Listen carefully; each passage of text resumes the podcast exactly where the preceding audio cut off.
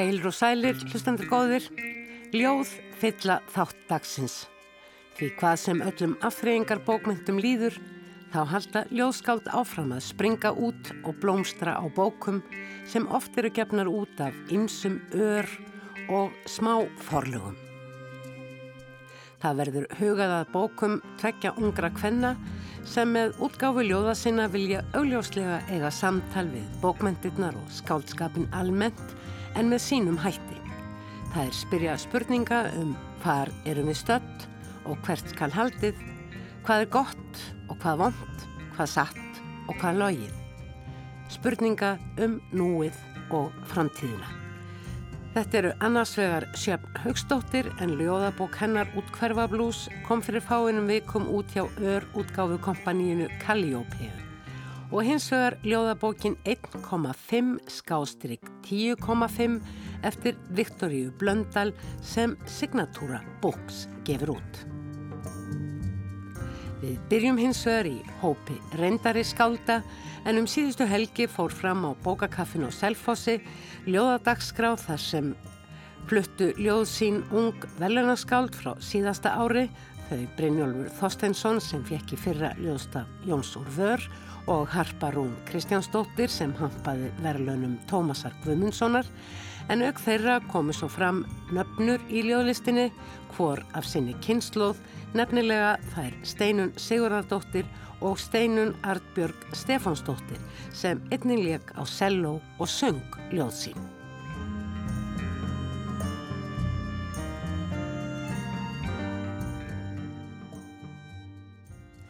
Meðal þeirra aðgerða sem hefði ofinbæra stóð fyrir í kjölfar COVID ástandsins var að auka svo litið fjárframlög til íslenskrar bókmyndamiðstöðar. Þannig að nú þegar samkomi hald með ákveðnum skilirðum er aftur leifilegt er hægt að sækja þanga styrki til að mega greiða skáldum fyrir að koma fram. Bjarni Harðarsson, útgáfustjóri Sæmundar og eigandi bókakaffisins á Selfossi, stökk á þann vagn og býður nú reglulega til jóðadagskrár og var svo síðasta sunnudaginn 12. júli undir yfirskriftinni Dáið er allt án drauma. Við stingum okkur þar inn og heyrum nokkur brot og fyrst til að stíga í gættina millir ríman að tvekja sem mynda bókakaffið var Steinun Artbjörg Stefánsdóttir, seluleikari sem flutti með sínum hætti nokkur ljóð úr bókum sínum Uss frá árunnu 2016 og Fuggl skástrygg Buppl frá því í fyrra. Takk fyrir.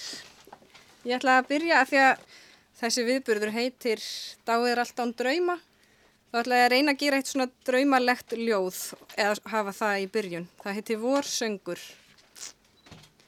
Svefnin blekti út á snúru, hann var þund fjólublátt teppi í bjartri vornóttinni. Augu fólk surðu tunglblá þar sem það satt laungum stundum út hjá dýraþrepum í vökudraumum. Daggar ilmur opnaði á plómutrjánum blóm. Svo ætla ég að hérna, spila lag við ljóð sem er í henni bókinni. Það heitir að spila með Brís. Brís er vinnu minn og hann spilar á sambal. Ögna blikið alveg reynd eins og gert úr kristal Ef að einhver brítur það er ekki hægt að laga það.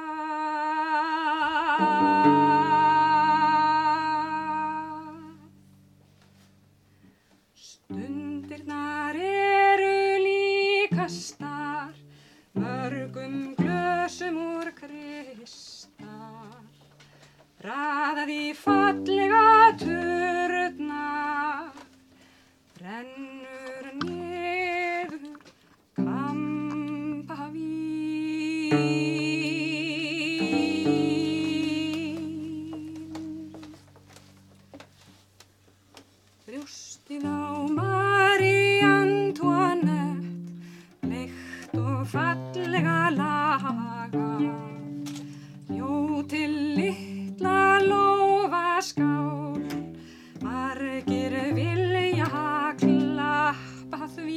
see.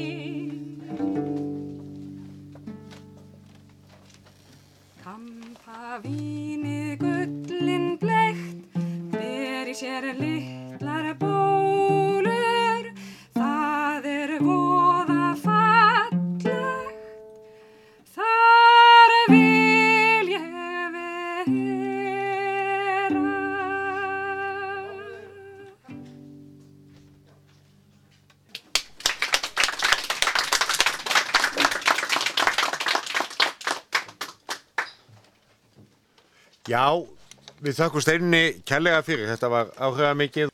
En eh, næstur á dagskrá er maður sem að fjekk í fyrra ljóstaf Jónsúr Vör fyrir eh, bókina Þetta er ekki bílastæði og er núna með aðra bók í smíðum um svon gravarans. Við skulum gefa Brynjólfi gott klapp. Komið sæl. Eh, ég heiti Brynjólfur. Ég ætla að lesa fyrir ykkur nokkur ljóð hérna úr bók sem kemur út í haust sem heitir Sónu Gravarans. Eh, þessi ljóð eru flest orft í eh, orðastag drauga og það er ágætt að hafa það í huga kannski þegar það fyrsta sem heit, ég ætla að lesa heitir eh, Við ormjætnir. Eitt. Í hafinu er meir af draugum en lifendum. Þess vegna er það alltaf að súrna og þess vegna eru fiskar svona hrættir. 2. Varist jökuldraugin. Hann er þungur. Leggst á herðar þeirra sem láta deigan síga og blóðið verður rauðara og rauðara. Hífið. Látið ekki deigan síga. 3.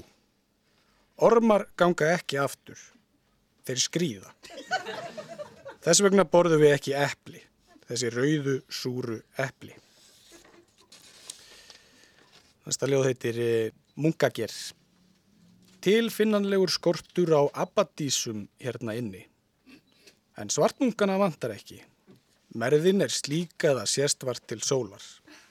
Undir kuplum þeirra vangir til að kyrja bænir með.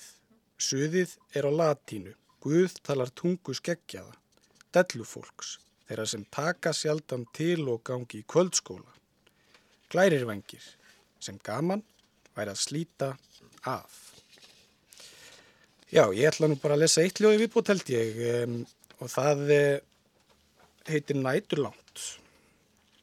Næturlangt er allt of langt. Að sækja vatn til vassberans tekur engastund í draumi. Engastund að ná suðunni upp í potti Littlabjörs að sjóða krabba engastund þegar hann hættir að banki í lokið má seðja niðdimt tómið, svartasta hungrið. Næturlánt er allt og lánt, jafnvel með fullan maga. Takk fyrir. Já, takk fyrir Brynjólf, þetta var reglulega skemmtilegt. Næst stígur hér á stokk stúlka sem hefur nú stígið þessar fjalir allengi og uh, hún hefur líka fengist við að skrifa og uh, sendi frá sér snildarlega fallega ljóðabóki fyrra sem hlaut uh, velun Tómasar Guimundssonar og svo er hún að vinna núna að nýri bók og segir okkur betur frá því og við skulum gefa henni gott klapp.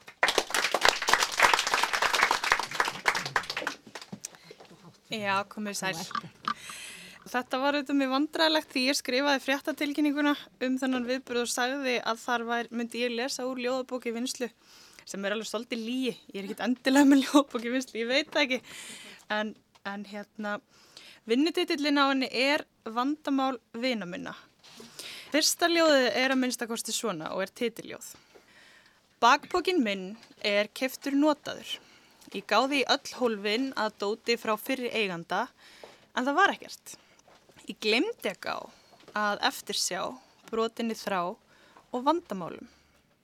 Stifti strax inn í haldinu úr gömlu törskunum minni í hann, smegði handleggjónum í ólarnar og byrjaði að sapna. Ég er ennþá með hann á bakinu, út tróðin, slitin, marg saman ragaðan, fullan af öllu sem ég hef fundið, fengi gefins frá öðrum, týndi hann sjálf á leiðinni og næsta heitir bara vandamál, vinnir mínir. Þið eruð gnægt að borð gallana, hinn fegursta tónlist, falskra hljóma, náttúrufegurðin, plasti príkt. Þið eruð netið sem ég falli þegar lífið skreppur undan fæti. Þetta er tilenga öllum vinnum mínum. Eh, næst koma þrjú svona einlega ástarljóð. Þetta er allt bara svona vinslustígi svitaperlur. Nei, þú verður að skilja að meðan söðrið andar sæla vindum þýðum um þínar æðar er ég komin af torfbæjabændum í tóltalið, fólki sem barðist móti stormi, dúðað í stingandi styrt vaðmál í vetrartíð og því get ég ómögulega dillað mér við salsatakt með trommuslátt í mjöðmónum eins og þú. Eh, kona sem er kær og gerði mistök, eh, maður á nú ekki að nefna nöfn en, en þessi heitir Eva og þetta ljóði til mistök. Læsi tönnunum gegnum börkin og tigg, bræða á losta, barsfararsótt og kúun, í næsta bytta brjóstagjöf, blæðingar og broti rif. Úr kjarnhúsi gæjast hlakkandi nöðru augu, reyða fram fræ, sá mig. En ég sé við, spýtiðum út, niður höguna rennur nýfengin skilningur og ég mæli fyrir munn okkar allra. Myndi gera allt aftur. Takk fyrir mig. Nú er komið að drottningun okkar uh, selfisingi, skaffullingi og uh, konu sem að er búin að vera ekki bara með þjóðinni í sínum bókmöntum heldur í rauninu um allan heim það er Steinun Sigurðardóttir sem að gaf út dimmumót í fyrra og, og ætlar að lesa upp úr henni og líka úr óprentuðum ljóðum. Við skulum gefa Steinunu Sigurðardóttir gott klapp.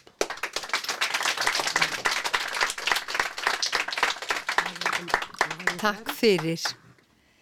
Dimmumót er sem sagt um, ljóðabálkur sem ég hef kallað cirka bát ástar og sorgaróð til vatnajökuls. Það er jökulli minn sem er nú á hverfanda kveli eins og þið vitið og einhvernar orð bókarnar eru frá Jónasi Hallgrímsson úr Hulduljóðum og þau eru svona og hver hann hefir eftir þráð að líta ástarland sitt með tignarfaldin hvita. Upphafsljóðið er svona. Það líður hjá, það gengur yfir. Rigningaskúrin, barndómur, fyrri og síðari. Óendanleir dómar líka þeir. Líða hjá. Veturinn, mér sé fyrir norðan, gengur yfir. Og veturinn þar á eftir, þótt seint fari. Eins líður flensan hjá ástsíki, hyggsti. Og það sem ótrúlegast er, eilíðarfjallið mitt ljósa, líður líka hjá. Þessi eiga á eigunni, sekkur í grjóthafið, þessi kastali úr snjókvítu rósonum þiðnar og verður að rambandi haug. Það er fullkomnað, endanlegt, eilíðarlokk. Ég ætla að ljúka þessu með því að lesa eitt ljóð sem hefur ekki komið á bók og það heitir Femme Fatale. Ekkert stóðstenni snúning, ekki kirsublómaskíið, ekki rósagarðurinn, ekkert fagurt dýr stóðstenni snúning, engin höfuðskepna heldur. Ekki fyrir en vetur konungur gómaðana í skóarjóðrinu þar sem blágrenitrén standa vörð allan ringin. Fristana frá toppi til táar hýna óviðjafnanlegu, litla hattin enna líka og stráð á hana gull slegnum sólarsnjó á ljósbláa silkikjólin síða á drúbandi eirnalokkana úr lapis þar til aðeins varð eftir hvitagull. Við dimmumót fóru þeir að tínast út úr skóginum, haldrandi sumir, órakaðir, jafnvel timbraðir. Aðrir vel á sig komnir og slettir í framann, einn í kjólfötum. Slóu ringum sína óhreifanlegu í skóarrjóðrinu. Kirja lágum bassaröttum tregansum, flögtandi augnaráð hennar í stiganum, titrandi augnhárin og guðdómlega nefbrott björtu bringuna, skæru röttina sem hljómar ofar lækandi bassanum í yfirvofandi næturheiminum með hundslappadrífu á köplum. Takk okkur fyrir. Einn brot frá ljóðalestri á bókakaffinu á Selfossum síðustu helgi en hlusta má á dagskráni í heilda á heimasíðu þáttarins rúf.is skástrygg orðum bækur í einu orði. Og nú að alveg nýjum ljóskáldum sem á allra síðustu vikum hafa sendt frá sér ljóðabækur. Sjöfn Högstóttir, velkomin í þáttin orðum bækur og til hamingju með nýja bók, útkverfa blues, ljóðabók sem að ég rakst á fyrir tilviljun og uh, hún greip mig, þetta er mjög uh, svona blátt áfram bók og hjartanleg myndi ég segja. Og uh, þegar ég fór að lesa og afla mér upplýsinga um þig að þá komst ég á raunum að þú hafðir áður gefið út bók sem að líka hafði vakið aðtegli mína uh, Svo bók kom bara út í hvað fyrra? Það er 2018. Já, tvö ár síðan. Árslokk 2018. Já. Þú mátt sjálf segja titilin á þeirri bók. Ég er ekki alveg vissum að franska minn sé nóg góð. Já, og mín er það ekki heldur hún til þess að sína Páinn ljóðabók sem ég komst að setna voru mikil mistök að alltaf einhver spyr mig hvað hann heitir það er bara, veist ég, vil ekki tala um það. en þetta er svona bókmyndafræðileg tilvillin, ekki satt? Jú, það mætti segja það. Ég er allavega menningarfræðileg, listfræðileg. Þú gerði nú svolítið leik með bókmyndafræðina í ljóðunum, svona inn á milli. Já, hún laumast inn greið. Þó þú sért líka mjög, eins og ég segi, mjög, mjög hjartanleg. En mér langar til þess að byrja, þú ætla nú fyrst og fremst að ræða um útkværavar blús, að byrjum að byrja á því að lesa ljóðið sem að þú, eða brotið úr ljóðin, er þetta upphafa ljóði úr fyrirbókinni? Já, þetta er bara fyrri helmingurinn, svo kemur smá sletta eftir á. Lestu þetta ljóð? Já.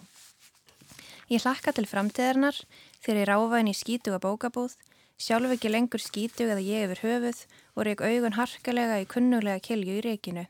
Nafni mitt, nöfnin okkar, heimagerða heimskan mín á útsölu. Og hvernig var það svo að sjá bókina sína í bókabúð? Það var eiginlega bara ógíslega skemmtilegt. Ég hérna, ætla ekki að reyna að vera cool. Ég bara alltaf fór í Eymundsson, gerði mig ferð, fór að róta, fann eina og var svona mm. Og seldur þú svolítið? Já, það er seldist bara mjög betur en ég hafði þórað að vona með mm. að enginn veit hver ég er og ég veit það ekki sjálf. Þessi fyrir bók uh, Cecines pa un ljóðabók Jú, jú. Þetta gekk nú bara þokkalega. Já, mér fannst það. Er svona, uh, það er margt áþægt með þessum bókum. Það er fjallabáðar mikið um ástina En það var nú að segjast eins og er að, eh, að fyrir bókin er talsvert ungaðislegri. Það er komin, ég segi ekki að, að eh, hér sé ljóðmælandi hókin á reynslu en það hefur bæst í sartin. Hókin af elli. Mm. Svona til þess að eh, stíga inn í þessa bók sem eins og ég segi er fjallar mikið um ástina en líka um bókmyndafræði og líka um orma Já. sem við kannski koma síðar. En byrjum kannski á bókmyndafræðinni sem að var nú aðeins í að aðhér áðan með titlinum á fyrir bókinni en þessi nýja útkvarfa blús hún byrjar beinlýnis á svona bókmynda og endar, endar líka í, í tilvísana kaplanum. Já, ég er náttúrulega búin að vera í bókmyndafræði núna síðustu hvað, sjú árið eitthvað þannig að það er svona stutt í hana. Dauði. Ljóðmeðlandi létt lífið í gær, hengdi sig í dauða höfundarins og eigin tilgangsleysi. Lesenda nú frjálst að leggja eigin mat á verkið. Og svo er draumar. Og loksins hafa draumar þínir ræst og ljóðin þínir á útsölu. Afhverju ætti hugverkið að kosta hundra sinu meira en sálinn. Var þér strax ljóst að þetta skildi vera upphafið, ingangurinn svona svolítið, þetta er kablaskipt bók, ég held að hún skiptist í eina sex kabla. Já. Ég, allavega þetta fyrra ljóðið um ljóðmælandan, mér fannst það að þurfa að byrja. Það er eitthvað sem við rættum rosalega mikið í bókmyndafræði og svolítið öðruvísi umræða um það í bókmyndafræði og bara svona út í heiminum. Að í bókmyndafræði er svo mikið talað um svona hver er ljóðmælandin, skiptir hann máli, þú veist, allt það meðan í, þú veist, alvöru heiminum verist vera svo mikil áhersla á að þú veist, þú ert að tala í öllum ljóðunum, meðan ég kannski er ekkit að því persónlega, kannski mm. einhver persón að tala fyrir mig í einhverjum ljóðum. Hefur skrifað sögur? Hefur búið til persónur sem að stíga fram og gera eitthvað? Í bókinni? Nei, í, í, í öðru því sem þú hefur skrifað. Já, ég hérna var að leggja lokahönd á glæpasögu. Það er ekkit annað. Fyrir svona nokkru vikum kláraði hana. og þar er mitt eru personur sem stíga fram og fremja glæpi Mm. og leysa glæpina. Það var rosalega skemmtlegt. Það er fyrsta svona skáldsaga sem ég hef klárað og mér finnst að glæpurinn þurfi smá uppreist æru. Þannig að þú gefur honum svona jákvæðara rými og orðaða svo. Já, kannski bæði jákvætt og svona hverstagslegt rými. Að því þú veist, það eru svo margar svona mýtur og dót sem er vonsvöldið þreytt á í svona skandinaviskum krimmum, svona það er lögga, hann er alkoholisti, allir er fullir og það er dimmt. og nú er kannski komið eitthvað aðeins bara að þú ert í íbúði hefnaferði, það er ekkit það dimmt og samt er fólk myrt og eitthvað. En ég er einmitt ekki búin að finna neitt útgæðandi fyrir hana þannig að ef einhver vil lesa hann, bara senda mér skilabóði, senda ykkur e-mail. Því ég hér með komið á framfæri. En síðan hefst bókin uh, útkverfa blús Já. og hann, hún hefst eiginlega á svona næstuð í sögu. Já, eiginlega. Mér langar til þess að leifa hlustendum að heyra svona upphafið á þessari þinni kópavókskróniku. Jú, jú, þannig ég byrja bara að lesa og þú öskrar þegar ég var að stoppa. Þannig er það. Ok, útkverfa blues. Kanski verður ætlað að búa í útkverfi, segir hann og sálinn minn fórnar höndum. Kastar frá sér liklunum að skítugu íbúðun okkar í hundrað einum, stormar með mig í eftirdræði út úr vestubænum og leggur 720 krónur á borðið. Skellir kaffehúsadirunum á eftir sér. Við heilsum byrtunni úti fyrir og mínu innra barni sem var alveg upp í Kópavogi, sko 200, það skipti máli. Við stöllur tillum okkur á pallin og horfum á útkverfabörnina leik. Hlustum á nágrannana sem ég á ekkert sameigilegt með nema postnúmerið, keðjureikingarnar og illa afletað hár, ræða grill og palla viðhald. Fæ 457.000 ráðlengingar um hvernig steina ég verði, sko verði að kaupa til að lífgu upp á lufsurött blómabiðið og hvaða ráð séu best til að kæfa niður illgresið. Síðan sama ráð dyr til að kæfa niður útþrána, sami dúkur og blómavalegt að kæfa allt í fæðingu. Ég brosi. Ég sakna skyndilega rónana sem eru hvergi lengur, stríðsalina katta vesturbæjar, túrista í eilið að leitað Airbnb og ótyru morgumat, Instagram-vetni byrtu og þessum blessuðu anskotans norðurljósum, stelpna á pinnahælum í leita skyndikinnum og eða hlöllabát, öðrum drikkiða síkó eða kannski bara róli og horni að pissa í. Mann forti þegar ég var eins og þær og mér dreymdum eitthvað starra og meira en 14 fermetra pall í blokkarkjarnar með fánastöngum miðjunni, áfram Ísland, og gerði sjálf túristi með bakpoka í skamvinni leita sjálfur mér og ódýri morgumat, innstengramvænu lífi og samfélagslega samþyktum gummi í töffaraskap. Ég dæsi. Einmitt. Og svo heldur þetta áfram. Kópavógur virðist allt í einu vera orðin svona eh, hafa náða að smegja sér inn í bókmyndunar þar sem hann var einlega bara eh, alls ekki til. Sá bær. En þetta er svona saga með, uh, gerir ég ráð fyrir personu, en það, það einkennir bókina svolítið, ljóðin í bókinu, það er þessi tókstreita milli útkverfisins og uh, miðjunar, Já. jaðarsins og, og miðjunar og þetta að vera cool, vera töff. Já, það er, það er eitthvað sem öllum er hugleikið. Mm. Og ég held öllum sé hugleiknar en þeir vilja viðurkenna. Ég held allir séu svolítið að reyna að vera cool. Eigum við að fá eitt ljóð sem að kannski lýsir því. Eigum við að þa- þakka hérna vorkvöld í Reykjavík, eitt. Já, alltaf skemmtilegt. Það er þá vorkvöldi Reykjavík, eitt eða draumaprins. Ég öskra regningu í augun á þér, móðir kona mella. Af hverju fer ég svona með okkur? Píni mill að þvinga þig, anda óhljóðum í píkun á þér, uppspretta lífs og eða dauða. Ég er tómar en þú eftir að ég rýð þér. Móðir kona mistök. Neglur sjó nöytn úr sársöka, andörf sem ég þekki af eigin vörum. Ég vakna í svitabaði sakleysis, ripnu á mér og þaðan á leðandi þér. Hendur mínar eru blóðugar í morgunsárið, sárið í hjartan á mér misnotað, gert að alvöru sári. Móðir kona martröð. Því tel ég mig geta riðið eins og ég kunna ekki að elska. One night stand og ég kissiði blessa á ennið. Hata okkur bæði. Meira mig samt.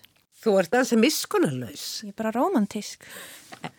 Þetta er romantíkin í dag. Já, velkomin. En uh, ég hugsaði með mér að hún væri nú ekkert að fara í kringum hlutina. Nei, það er ágætt að segja hlutinu bara beint.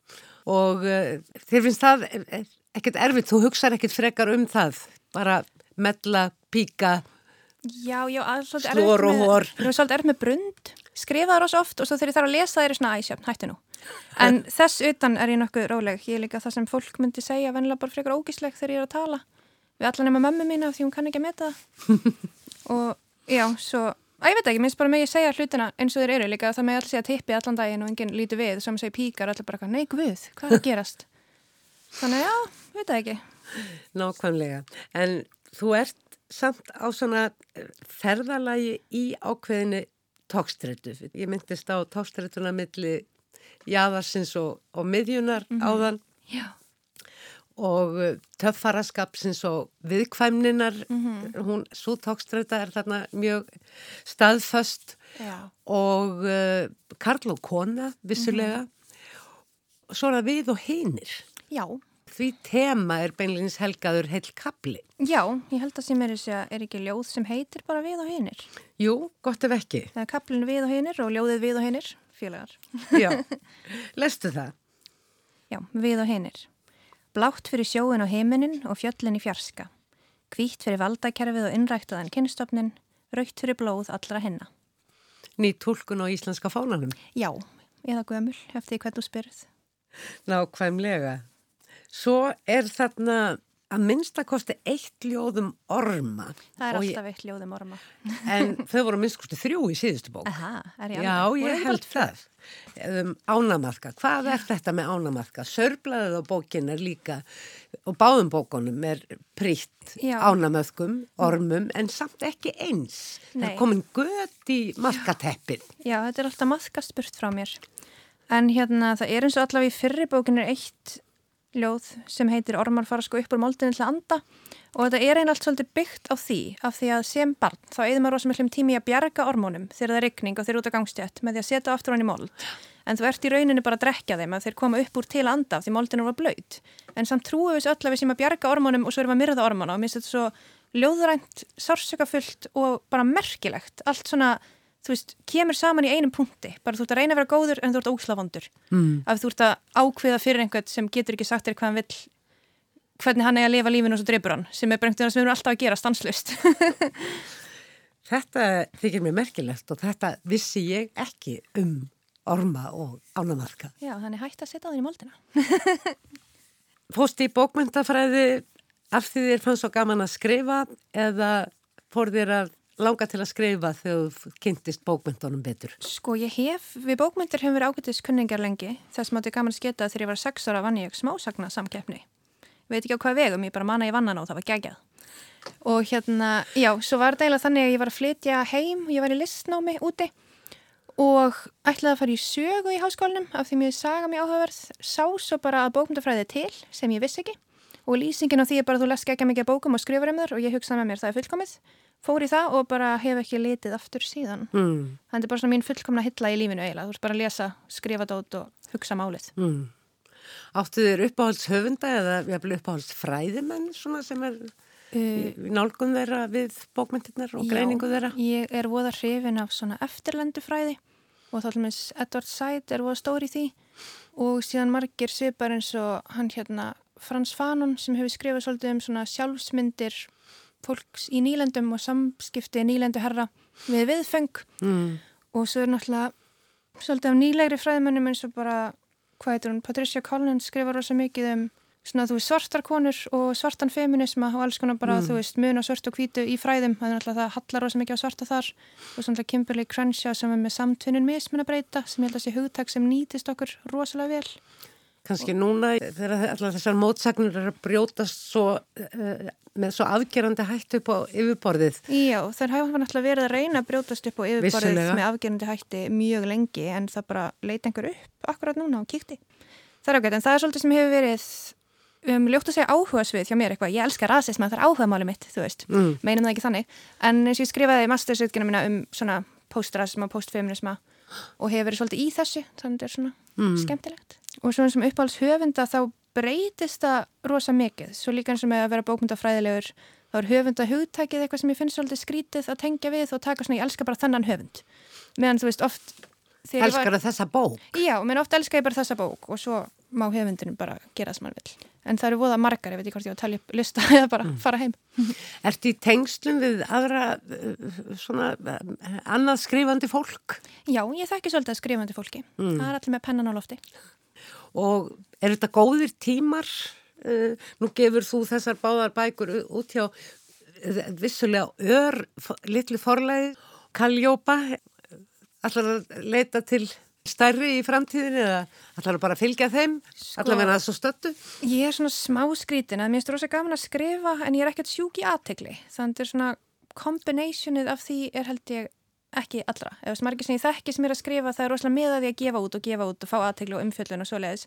En ég meira bara fyrir að skrifa ef það er gaman og svo ef einhver les það og finnst það skemmtilegt þá er það líka gaman.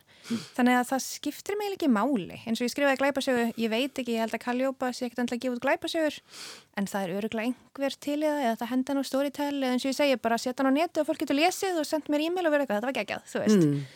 Að ég að með eins og. Skrifarðu á hverjum degi eitthvað? Já og nei, segjum flesta daga. Skrifur á síman? Einhverju ljóði minni mig að það komi fyrir? Já, það hefur komið fyrir að stundum fæði sér góður hugmyndir og ég þarf að skrifa það niður og ég var alltaf með svona vasabók á mér og svo bara eftir að snjáltækinn tóku yfir þá er ég með síman. Þannig að þú fyrir nóts í símanum minn finnur þú svona hálf niður skrifaði drauma eða eitthvað sem ég fannst ekki að fyndið, svo mann ég ekkert hvað það var, eitthvað svona og eitt og eitt ljóð, en það kemur sér ákveðlega því annars bara gleymi ég hlutunum en ég mm. sest ekki niður með hann og gerir rítgerðir þannig. En svo þarf nú að setjast niður til þess að Já. setja saman svona bókur öllum brotunum og slítrónum og heilu ljóðunum sem að hafa verið skrifuð niður og sett í ymsarmöppur í tölfunni eða á nóts í símanum Já. og svo framvegs. Ég er nefnilega ekki með mikið þannig, ég er vennilega sko frekar skipulögð þannig að þetta fer í nóts bara því ég myndi þetta núna en svo þegar ég kem í tölfunna þá er þetta sett á sinn stað mm. og það er einmitt svolítið sem ég hef gert líka með að skrifa eins og þegar ég var að skrifa svo lengri glæpasögu að þú veist, þetta er ekki snýst ekki um innblástur, heldur bara að setjast niður og gera það og líka með ljóðin, þú veist, ég ætlaði að skrifa bókunum með tvö, kalli á bá til að gefa það út ég hafði ekkert að skrifa um, ég bara settist niður og svo býður og hugsaður og svo kemur eitthvað og svo mm. vinnur í því og svo bara setur það á hvern tíma dag og svo kemur eitthvað. Að því að ég ætla alltaf bara að vera rosalega innblásin þá kemur ykkur ein flott lína á tveggjára fresti. Heyrðu, mér líst vel á þig sem ljóðskáld og hlakka til að lesa glæpasöguna sem högstóttir til hamingi með þetta. Takk.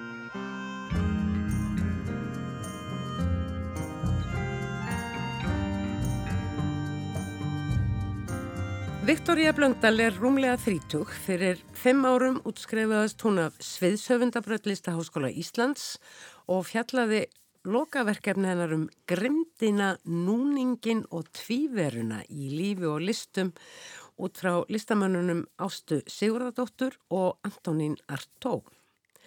Eftir að Viktoria útskrifaðist hefur hún egnast tvö börn til viðbótar við það eina sem hún ótti fyrir en einnig starfað við margvíslega framkvæmdastjórn listviðburða, síningastjórn og leikstýrt nokkrum verkefnum.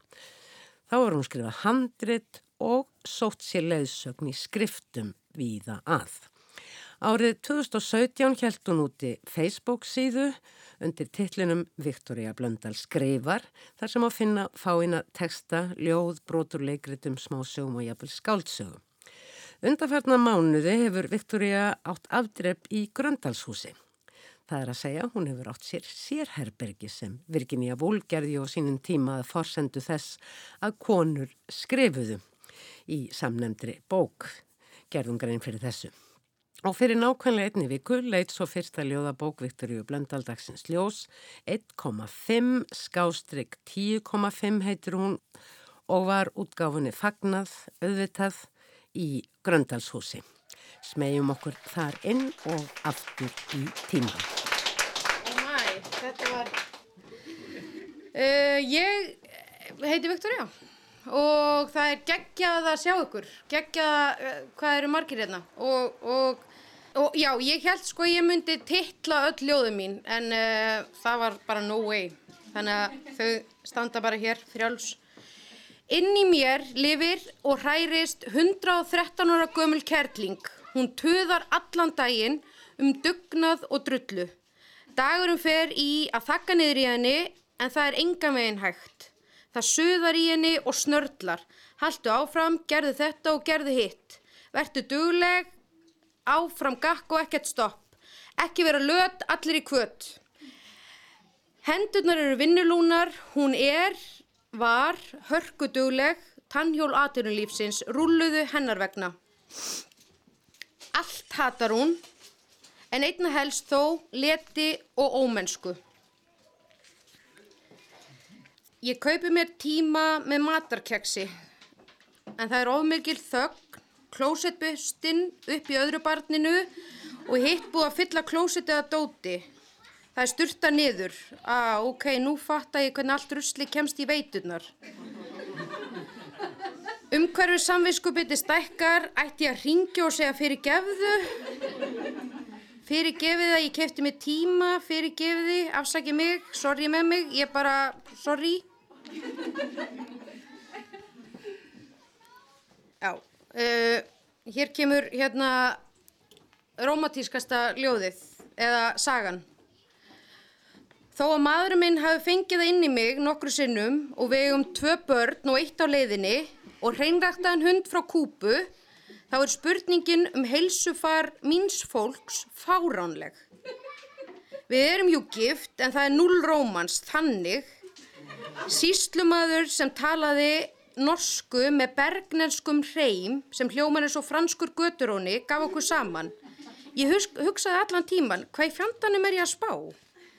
Mamma bakaði svo sumarköku sem er bara venjuleg skúfukaka með fallegra nafni. Svo lagði ég mig. Um kvöldið fór svo nýgifti maður minn á júlebord með fótbolltahóknum sínum og var blindfullur og grét með vinum sínum yfir fegur lífsins. Þá með kassóletta nýgifta konu heima í rúminu sínu sem var búin að geti yfir sig á skúfuköku og horfa á 13 þætti af Gilmore-Girls.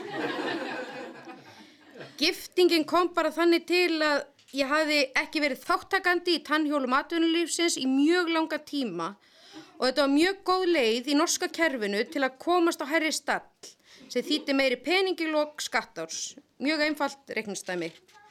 Ég er samt bara ég og þegar þú spurðir mig eftir að hafa talað í 15 mínútur um komandi tíð þína í borgarleikhúsinu og stressi sem fyldri allir þessari vinnu á meðan ég held í peileil í björglasið þitt hvernig heilsan væri hjá mínu fólki. Þá leiði mér eins og þú gætir alltaf hend mér í tjörnina. Þetta er alveg sönn saga. Því að það var svona kunningjakonu mín og ég var svona dæla bjór uh, ólétt af mínu þriða barni að, hérna, hún spurði svona hvernig er heilsan hjá þínu fólki eins og ég væri, ég veit ekki, ég veit ekki. En svo tala ég um þetta við hann um síðustu helgi og þetta er allt í góðu sko.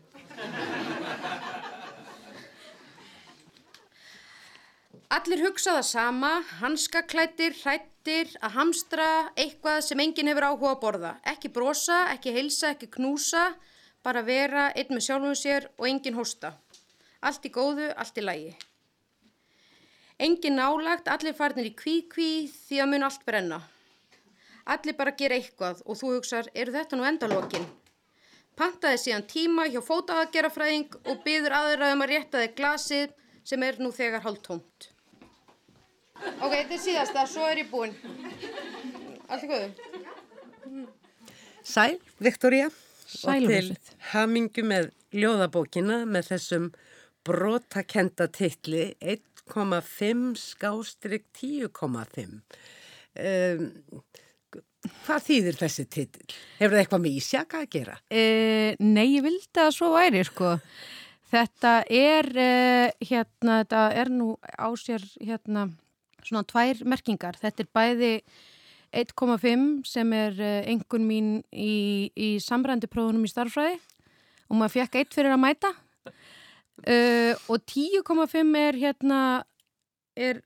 Uh, eiginlega einhvern mín úr listaháskólanum eftir lokaverkefnum mitt sem var samt sko hérna, þetta fekk ég ekki 10,5 en, en tilfinningin var svo. Þarna var ég hérna komin á minn stað og var að skrifa og, og svo er þetta líka hérna uh, getur þetta verið blóðsegurinn minn, ég hef með sigursíki þannig að 1,5 þá er ég alveg hérna út úr heiminum 10,5 þá er ég. Þá ertu hæ. Já.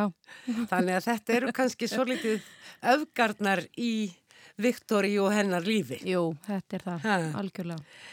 Um, mér sínist þetta svona vera ljóð sem eru skrifið á allra síðustu árum en ef marka má baksíðu textabókarinnar sem hljóðar svo Viktoria Blöndal innan svega 1985, fylgti dagbækur æsku sinnar af harmsögum og bröndurum. Í dag fyllur hún stílabækur og nóts og ímis skjöl í tölvunu af því sama. Hér má sjá brota því besta og versta. Þú hefur lengi verið skrifandi. Maður hefur þá tilfinninguna þetta flæði daldið létt frá þér. Já, þetta gerir það og hefur einhvern veginn alltaf gert. Ég veit eiginlega ekkert hvaðan þetta kemur. Ég einhvern veginn bara sest niður og svo er bara eitthvað komið. En uh, mannstu eitthvað svona hvernig þetta var til að finna fyrir þessari tjáningu í skrifum? Lastu mikið eða var mikið lesið í kringum þig eða jáfnvel skrifað? Já, sko, það hefur alltaf verið lesið í kringum mig. Auðvitað var ég líka mjög hérna, lesblind barn og er það enn. Þannig að hérna, ég þakka mjög þeim sem fóru við bókinu mína til dæmis. Uh, ég er, var og er lesblind og, og það var alltaf lesið rosalega mikið í kringum mig og lesið fyrir mig og með mér Ég, svona orð á bók voru eitthvað. Alveg og þau voru bara og, og það var mín bara lífsbjörg. Ef ég ætlaði einhvern tíman að gera eitthvað þá yrði ég að lesa og ég geri það ennþann dag í dag. Þetta eru frekar ráljóð og ég gerir ráð fyrir einhvern veginn að þannig viljir þú líka hafa það. Mm -hmm. Þetta eru personlegar frásagnir en líka ímiskonar vangaveltur, ekki sístum svona það sem stekkur ámann eru vangaveltur um kyn og kyngerfi. Mér likur við að segja einhvers konar uppreist gegn þessari tvíhyggju. Já, ymmit. Uh, fólki hefur oft hérna, eins og því ég var í listaháskólunum eða, eða þú veist, hérna, býtu, ert þú ekki mamma eða átt þú að vera að gera svona eða mátt þú gera þetta eða eitthvað svona og eins og kannski mér einni er lægi þá vill ég vinna á móti því því sem ég er sagt að gera eða því sem ég á að gera. Þannig að já, þetta er oft hérna svona vangaveltur um hvað má og hvað má ekki og Þú gengur kannski einna lengst í þessu í ljóði sem heitir Það. Já, ymmit Þar ferður sko eilas kollsteipu og heilan ring og snýrð upp og niður. Treystur þið til að lesa það? Jú, ég skal lesa það þá veit fólk svona um hvað við erum að tala, hvernig, hvernig þú ert að taka á þessum, þessari tvíhyggju og, og steita nefn svo litið framann í hana. Já, akkurat. Það. Fullkomin heiðarleiki er á fljótur til þess að ég varpi því hér fram. Heimurinn er á lítill til að segja andvarpi hreinleika á ykkur. Þið fattið. Þegar ég tek tippið á mér út úr honum og hann þurkar framann úr sér blóðið og ég hlæjaði honum, djöfusins fíbl. Eins og það að leggja sigur í hóluna lægi allt. Ég get ekki lagað hann þó ég reyni að sleikja honum píkuna. Ég ætla ekki að laga þig, þú ert eins og innbærin, gömul og snjáð, tengiði. Utanuleikjandi líffæri. Vakning. Ertu hér eða ætlaður þér að vera hér? Ég get ekki haldið á þessum líffarum sem ég ber á bakinu allan daginn. Þau eru ekki eins og mín, þau eru þín. Akkur treður þess ekki inn í þig? Þú ert hér að yrkja gegn einhvers konar staðalmyndum, er það ekki? Jú, þetta er algjörlega bara, hérna, kannski svolítið bara einmitt að vera að steita nefan á móti því sem manni er alltaf sagt að gera og, og hvernig maður á að hafa sér. Og líka að nota blátt áfram orð sem að já, koma ekkert alltaf oft fyrir í skálskap. Já, ég hérna, mér finnst miklu betra, betra að tala bara hreint út heldur en okkur tíman að vera hérna e, sigur húða hlutina og ég held að þeir hérna slái fólk miklu betur heldur en að vera eitthvað að reyna að fara í kringum þá. Mér finnst þetta aðteglisvert fyrr í þættinum hérna áðan talaði ég við annað ungt ljóðskáld, konu og spurði hann einmitt út í þetta sama, þessa orðanótkunn og ég var tilfinninguna að þið ungar konu séu svolítið að taka ykkur vald yfir þessum orðum.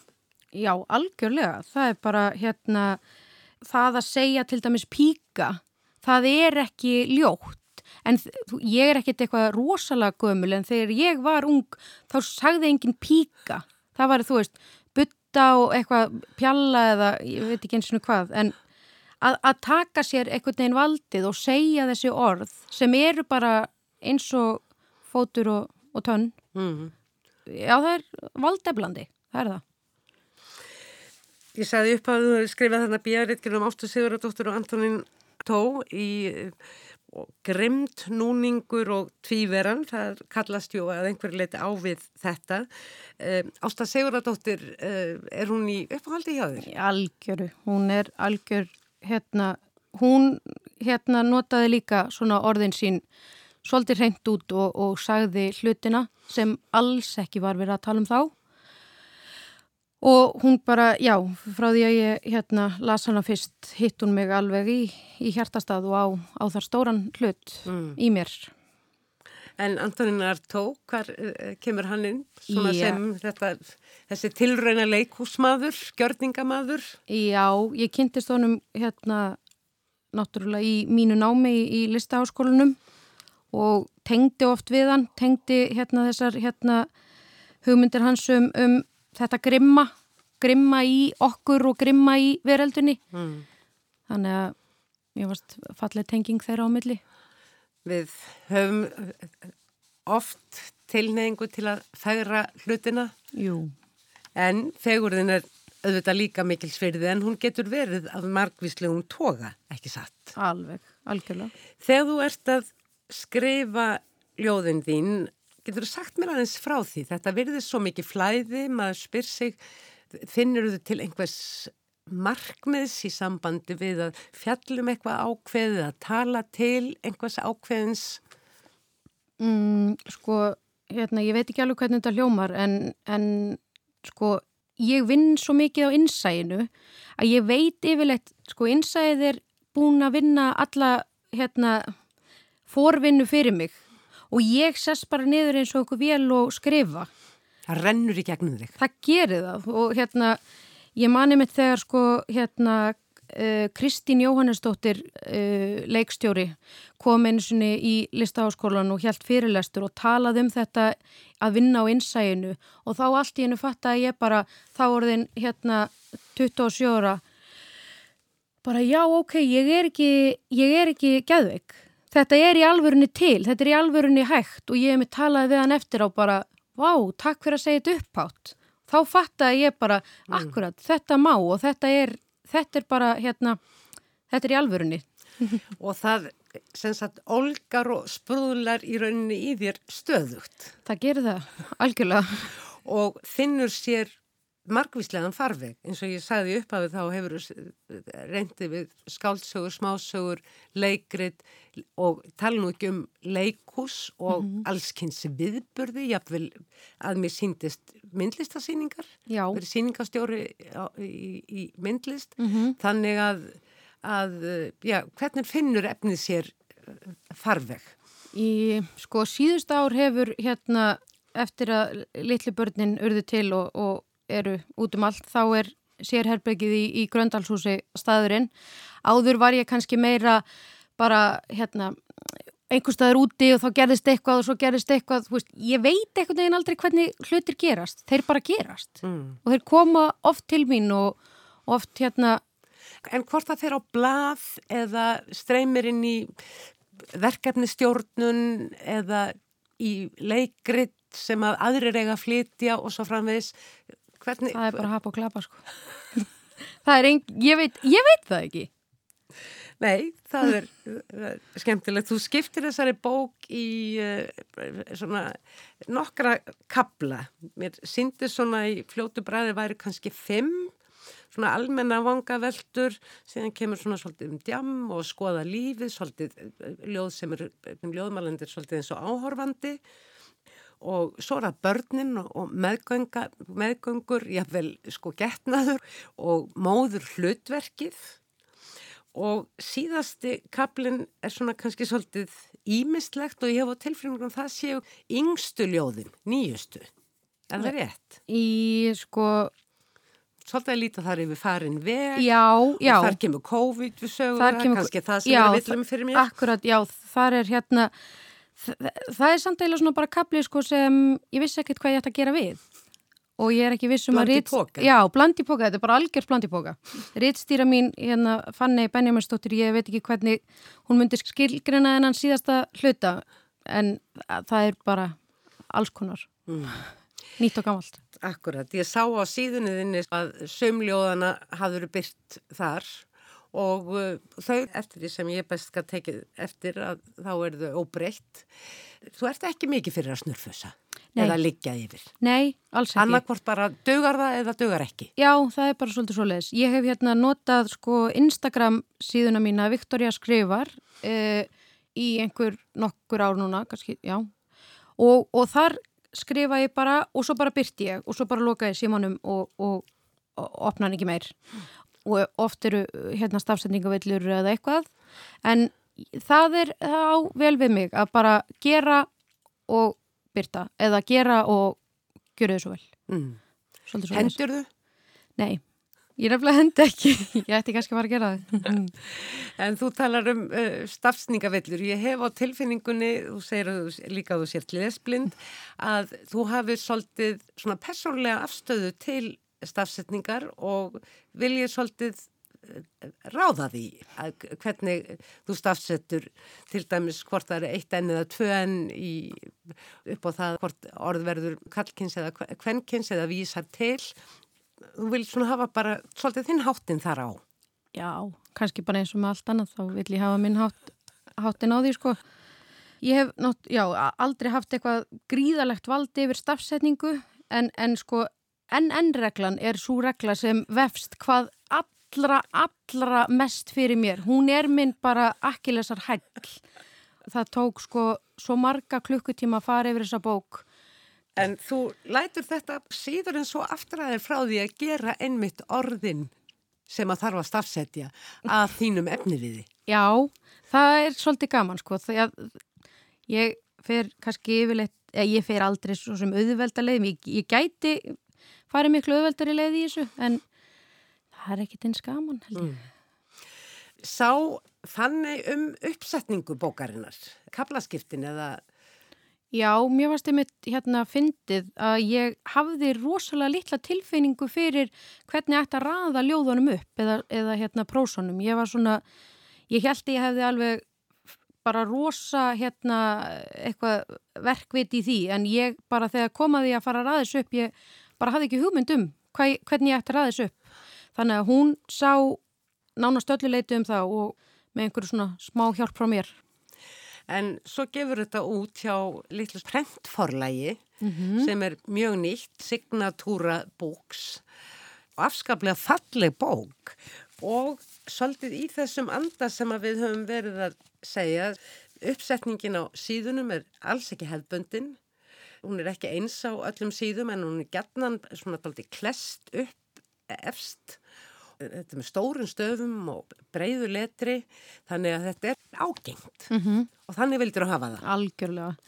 Það var svo geggjað að hitta þær í fyrsta skipti og bara þær lásu mig eins og opna bók og þetta varð úr. Þetta, þetta, er, þetta er bara listaverk þessi bók, svo falleg og hérna umbrotið ekki vennulegt. Þannig að já, þetta kom bara fullkomlu út. Ég er sjúklega ána með hana. Hún er ofsalega falleg, eins og þú segir, og uh, stílhrein, Mm mjög stílhrein, Mjög. svona skjanna hvít með þessum tölum sem eru titillin og við nefndum áðan, stórum, bleikum, fallegum, uh, fallegu letri -hmm.